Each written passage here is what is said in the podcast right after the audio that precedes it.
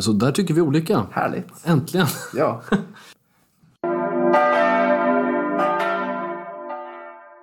Brukar du fira din dop då? Eh, nej, jag har tyvärr varit dålig med det. Men jag tänker att i år, nytt år, nya möjligheter.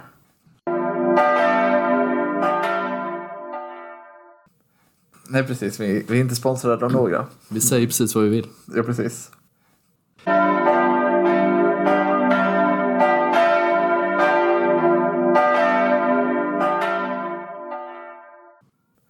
Klockorna har ringt in till det första avsnittet av säsong två. Det är 28 totalt för den som har räknat noggrant. Kalenderbitarna. Precis. Och kul med en ny säsong. Ja, Men vi är inte så nya. nej. Utan det är samma. Samma. gamla vanliga Linus Forsberg och Jimmy Lagerlöf. Samma gamla gänget som Povel Ramel säger. Ja, precis. I samma gamla kök. Men med ett nytt år, ny säsong. Och kanske, förhoppningsvis, jo, nya tankar. Nya möjligheter. Väldigt mycket nya möjligheter. Och vi kommer ju, vi kan ju säga redan nu här att det här är en av de spännande söndagarna då vi inte ens läser liksom samma vad ska man säga, berättelse men ur olika evangelistiska perspektiv utan vi har samma evangelietext. Ja. Men i Svenska kyrkan är det några verser längre, börjar lite tidigare men det är exakt samma. Så att vi kommer prata mycket om dopet idag. Det handlar ju om Jesu dop. Är du döpt, Linus? Jag är döpt. Jag är barndöpt. Jag är döpt i Faderns, Sonens och Helige Andens namn. Åh, Det samtalade vi om lite precis innan vi såg på mikrofonen. Jag läser just nu en kurs vid Uppsala universitet som heter Dopet kyrkans dörr. Där vi kollar på ja, men dopet i olika samfund, både historiskt och nutida utövning. Och då har jag bland annat fått en liten käpphäst att Sveriges kristna råd har ju underkänt dop som enbart sker i Jesu namn, att det måste ske i, Faderns, Sonens och Helige Andens namn. Men många salmer sjunger just enbart så här, jag är döpt i Jesu namn. eh, just det. Och eh, vad tänker du då att de psalmerna borde tas bort? Ni ska göra en revidering av Svenska kyrkans psalmbok har jag hört, hört talas om. Läst om i tidningen Dagen. Ja, Som vi inte är sponsrade av. Nej, precis. Vi, vi är inte sponsrade av några. Vi säger precis vad vi vill. Ja, precis. Men är du en sponsor? Så. Vi skulle behöva en ny dator här. Nej, Nej men... eh, mm. Ja. Nej, men, nej, men precis. Nej, men jag tycker inte nödvändigtvis att de behöver göras om, men eller så här, tas bort. Men möjligtvis bör man fundera på om man borde revidera texterna. Om, man, om det inte går, då kanske man ska ha andra dopsalmer. Okej. Jag tycker inte man ska revidera texterna faktiskt. Nej. Eh, Så där tycker vi olika. Härligt. Äntligen. Ja.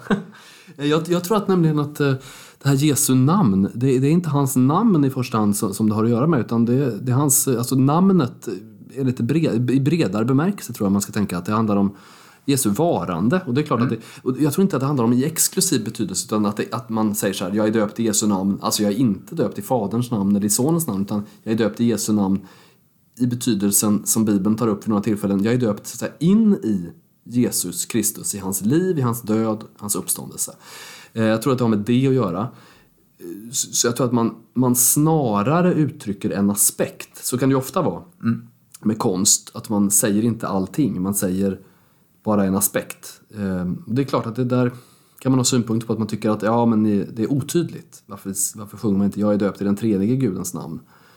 Ja, men konsten får ha sina, en vi- en viss frihet som, man ändå, som ändå har sina poänger, tänker jag. Vad säger du då? Ja, men jag skulle säga att jag skulle köpa det om det var så att alla som...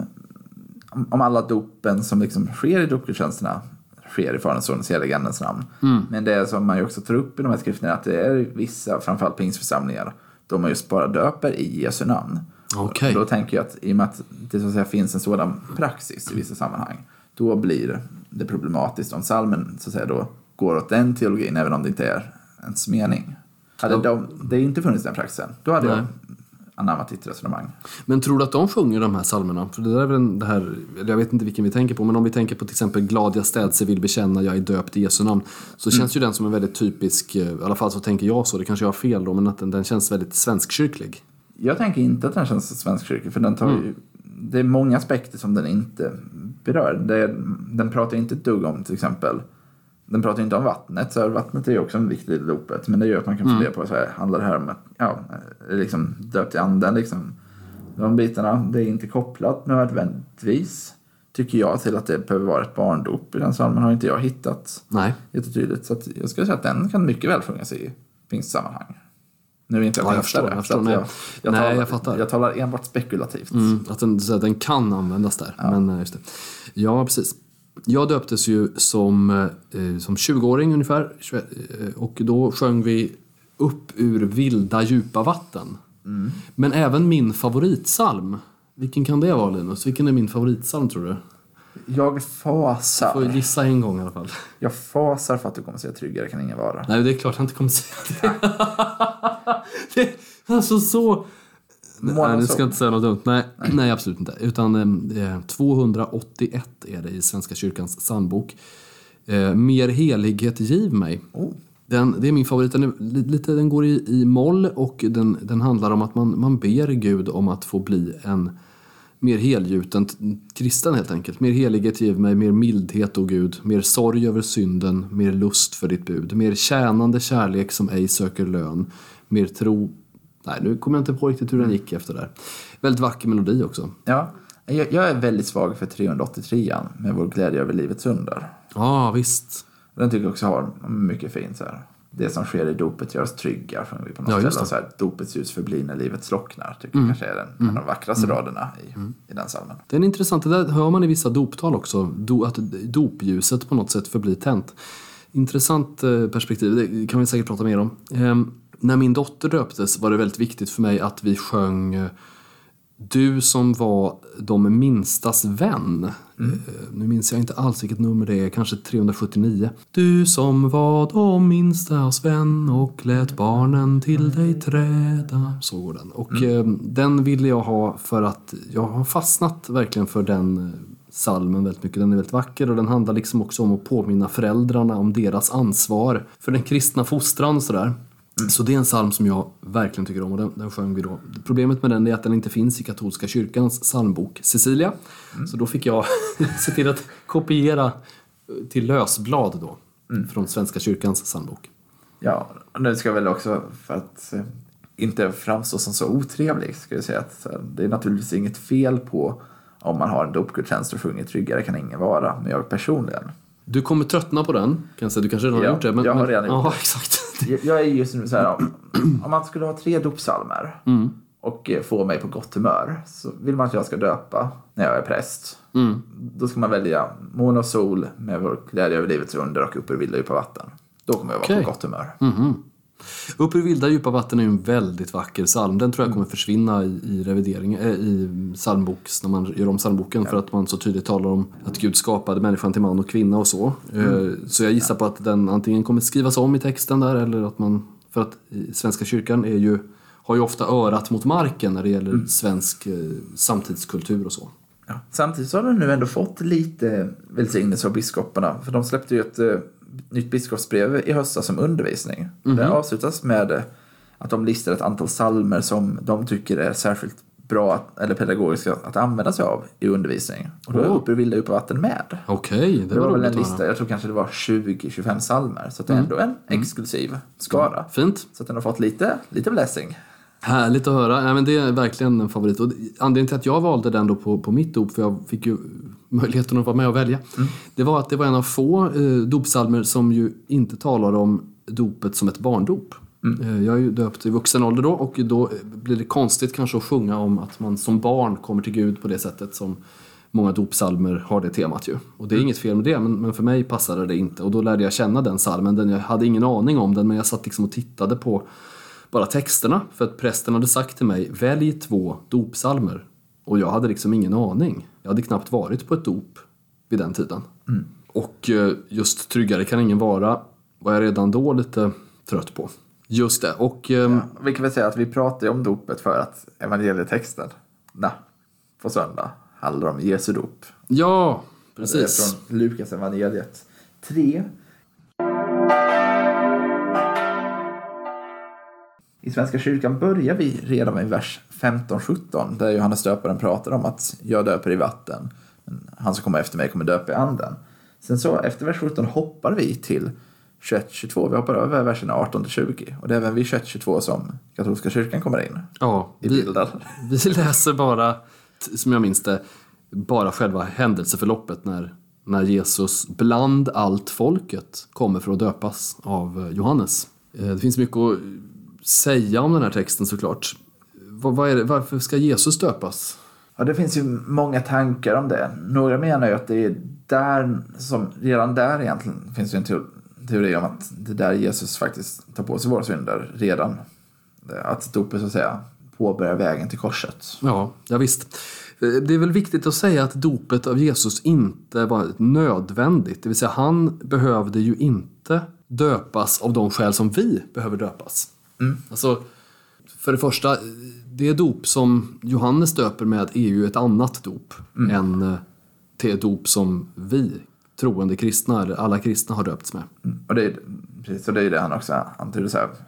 Jag döper i vatten, han som kommer efter kommer döpa i ande. Det Ja, har ju också kvar vatten. Ja visst, absolut. Alltså vi tar ju i princip Johannes dopet och gör om det till det kristna dopet. Och det kanske skulle man kunna säga att det händer då när Jesus går ner i dopvattnet. Att Jesus så att säga, jag brukar jämföra honom med så att säga vad som händer med diskvatten när man tillsätter en disktablett. Att Jesus är disktabletten så att säga. Ja.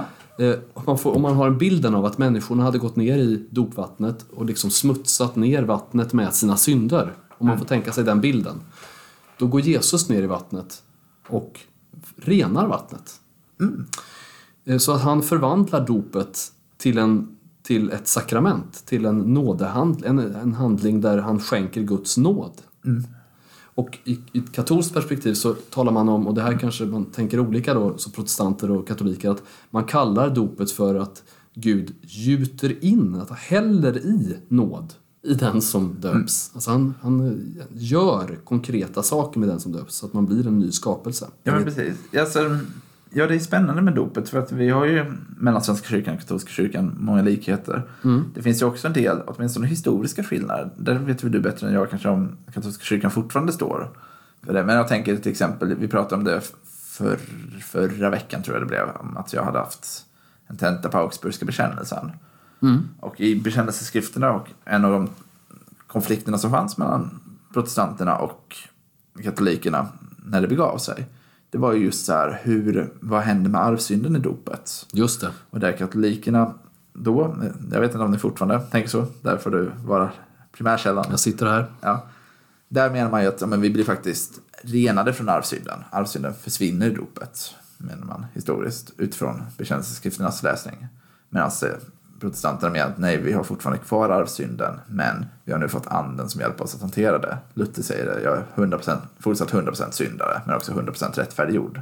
Precis, alltså det där är ju den mest långlivade konflikten mellan katoliker och protestanter, alltså synen på rättfärdiggörelsen, vad är det för någonting? Vi behöver inte prata jättemycket om det, men det, är helt rätt att katoliker tänker att eh, arvsyndens skuld avskrivs hundraprocentigt eh, vid dopet. På ett sätt blir du då satt på samma plats som de första människorna. Dock eh, så är det fortfarande så att den mänskliga naturen har kvar sin, eh, sina, sin så att säga, onda böjelser som är en konsekvens av arvsynden. Så det beror på vad man menar skulle jag säga. Ibland handlar det om ord. Må- Många teologiska strider handlar om formuleringar. En katolik skulle säga så här. ehm, när jag döptes befriades jag från arvsyndens skuld. Jag kallades att leva i det nya livet.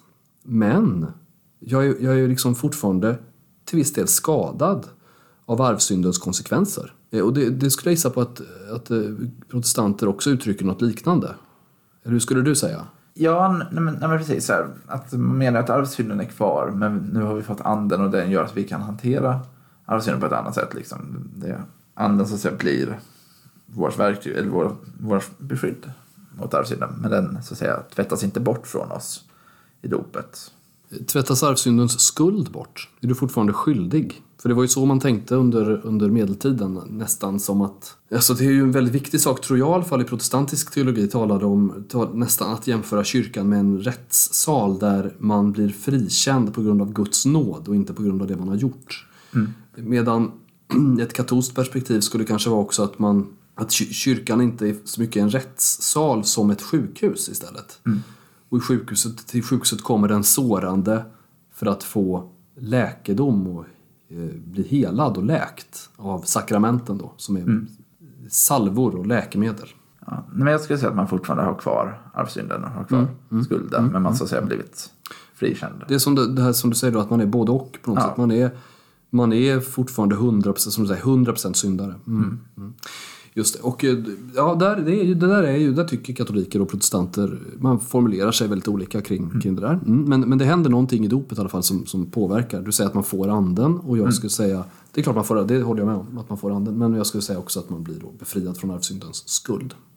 Sen kan man dra på sig egna skuld, skulder längs vägen då. Mm. Definitivt.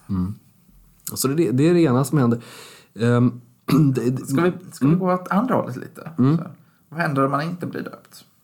ja, precis. I, när jag har predikat eh, kring dopet för länge sedan så brukade jag säga att eh, nu ska vi inte prata så mycket om vad som händer med de som inte döps. Vi ska prata om vad som händer med de som döps. Men det där är ju en viktig fråga. Och när jag blev troende var det en viktig fråga. Jag ville veta, vad är grejen? Jag skulle för det första säga så här, dopet är frälsningsavgörande. Alltså, dopet är porten in i kyrkan och kyrkan är på något sätt som Noaks ark, den, den båt som tar oss över översvämningen, syndafloden, över till himlen. Och är vi inte med på den båten, ja jag vet inte, då får man hitta någon annan typ av farkost. Man får lösa det där på något annat sätt. Men i båten, där finns det vi behöver. Där finns sakramenten, där finns proviant under vägen, där finns en rorsman som säger ni behöver aldrig vara rädda. Men vi vet inte hur det går för dem som inte döps. Eh, vi kan väl tänka till viss del, ibland talar katolska kyrkan om människor av god vilja, brukar man kalla det för. Alltså, de känner inte till att de behöver bli döpta och därför har de så att säga inte avvisat dopet. De har inte tackat nej till dopet. För det är ju en sak om du vet vad dopet är. Det här är det som ger mig början på frälsningen. Men jag tackar nej till det. Det är en, en sak. Men det är en sak att säga så här. Ja, ni säger att dopet är någonting, men jag vet inte om det är det. Och jag tackar inte nej eller ja eller någonting utan så vidare. Då blir det på ett annat sätt. Ehm, Så det, det är skillnad. Och Jesus, Jesus talar om den skillnaden. Han säger så här. Den tjänare som vet vad hans herre gör. Det är skillnad på den och en tjänare som inte vet vad hans herre vill och vad hans herre gör. Så här, den kursen jag läser heter ju Dopet kyrkan större. Och det, det namnet handlar inte bara om att vi faktiskt får gå in i ett kyrkorum för att vi har blivit döpta. Det, utan det handlar ju om det här större. Vi, vi går på den här farkosten, som du, den här båten som du berättar om. Sen kan man ju, i alla fall enligt eh, luthersk teologi, där finns ju vissa andra som har andra teologiska uppfattningar. Man kan ju välja att hoppa av båten även om man börjat resa med den. Om man inte så att säga, vill vara, fortsätta vara med på färden. Luther, eller var ju Melanchthon förresten i Augsburgska bekännelsen, han fördömde ju de som menar att vi aldrig kan liksom förlora anden om vi en gång har fått anden i dopet. Utan han menar att vi måste fortfarande leva i vårt dop. Annars kan anden lämna oss. Ja, och den kritiken riktar sig ju inte i första hand mot katolska kyrkan utan den riktar sig ju som en inomkyrklig kritik bland protestanter. Att vissa nästan talar om att Gud eh, tvingar människan till frälsningen. Eller så? Mm. Men det, jag håller med dig om att eh, på ett sätt, att inte ha tagit emot dopet för att man inte vet vad det är, det är en sak. Men att ha tagit emot dopet och sen avvisar det, eh, ja, det är som att hoppa av båten som du säger. Ja. Och jag tror, jag är ju övertygad om att människan har en fri vilja och att vi måste fritt måste ta emot frälsningen. Och att Gud vill samarbeta och samverka, att nåden och naturen samverkar. Det är en väldigt viktig sak i min förståelse av eh, dopet också ju. Så dopet ger oss allt vad vi behöver för frälsningen men kräver alltid vårt samarbete. Ibland när man döper barn då kan man säga så här, varsågod här är nyckeln till en skattkista. Jag hänger nyckeln runt din hals, här är nyckeln till en skattkista. Skattkistan står på vinden, gå upp där när du kan gå i trappor. Då går du upp dit, öppnar nyckeln, eh, öppnar låset med nyckeln och eh, tittar i skattkistan. Mm. Om du inte gör det, då står den bara där som en skattkista. Ja, men. Men om du öppnar, då ska du få se vad som finns. Men det är klart, det, det finns eh, möjlighet att inte komma till Gud. Men jag, nu ska jag säga någonting som kan vara svårt att förstå i svensk kontext då. Jag tror inte att det handlar om, alltså tro i min värld handlar inte om att man håller med om olika formuleringar. Det är som Jesus säger, även, även demonerna känner till sanningen. Även, även djävulen vet vad som står i skriften så att säga. Det är inte att man vet vad som är sant som frälser en. Utan det är min tillit till Jesus. Alltså tro i betydelsen eh, tilltro. Mm. Tillit. Så att tro på Gud, det räddar mig. I betydelsen om jag litar på Gud. Och om jag älskar Gud. Nu är det så här att man kan älska Gud fast man inte känner Gud. Det är faktiskt så att det är möjligt eh, på olika sätt, mystiskt. Och det är också möjligt att hata Gud fast man säger att man älskar Gud. Definitivt. Ja, man kan alltså med ena, eh, ena stunden säga så här, jag älskar dig Jesus. Och sen genom sitt handlande, sina tankar, sitt varande övertyga Gud om hur mycket man hatar honom. Det, så är det bara. Så att det, riterna, är inte, do, dopet medför faktiskt någonting i verkligheten men vi måste, det ligger i våra händer att ta vara på det. Och den som inte döps, antingen har den ett skäl till det eller så har den aldrig fått möjligheten. Och jag är väldigt glad över att det står i något av Petrus brev att Jesus är nere i dödsriket och predikar för andarna. Eh, nu är det helt fel år, årstid, men på påskdagen innan uppståndelsen, då tror jag ju verkligen det. Då är Jesus i dödsriket. Och min bild är att under livet, här och nu, då har vi möjlighet att lära känna Jesus så att vi, som han säger, lär känna hans röst. När han kallar på oss upp ur graven en gång för den, i framtiden. När han säger kom, om jag känner igen hans röst. Men precis. Jag tänker vi ska börja avrunda med hur man kan leva ut det här evangeliet. Och det som jag tänker är... Men någonstans vi har pratat om folk som väljer att förkasta dopet med folk som inte vet. Och det är de sistnämnda jag tänker är de vi ska rikta oss till här. Så här. Samtala med någon om dopet som inte känner dess betydelse.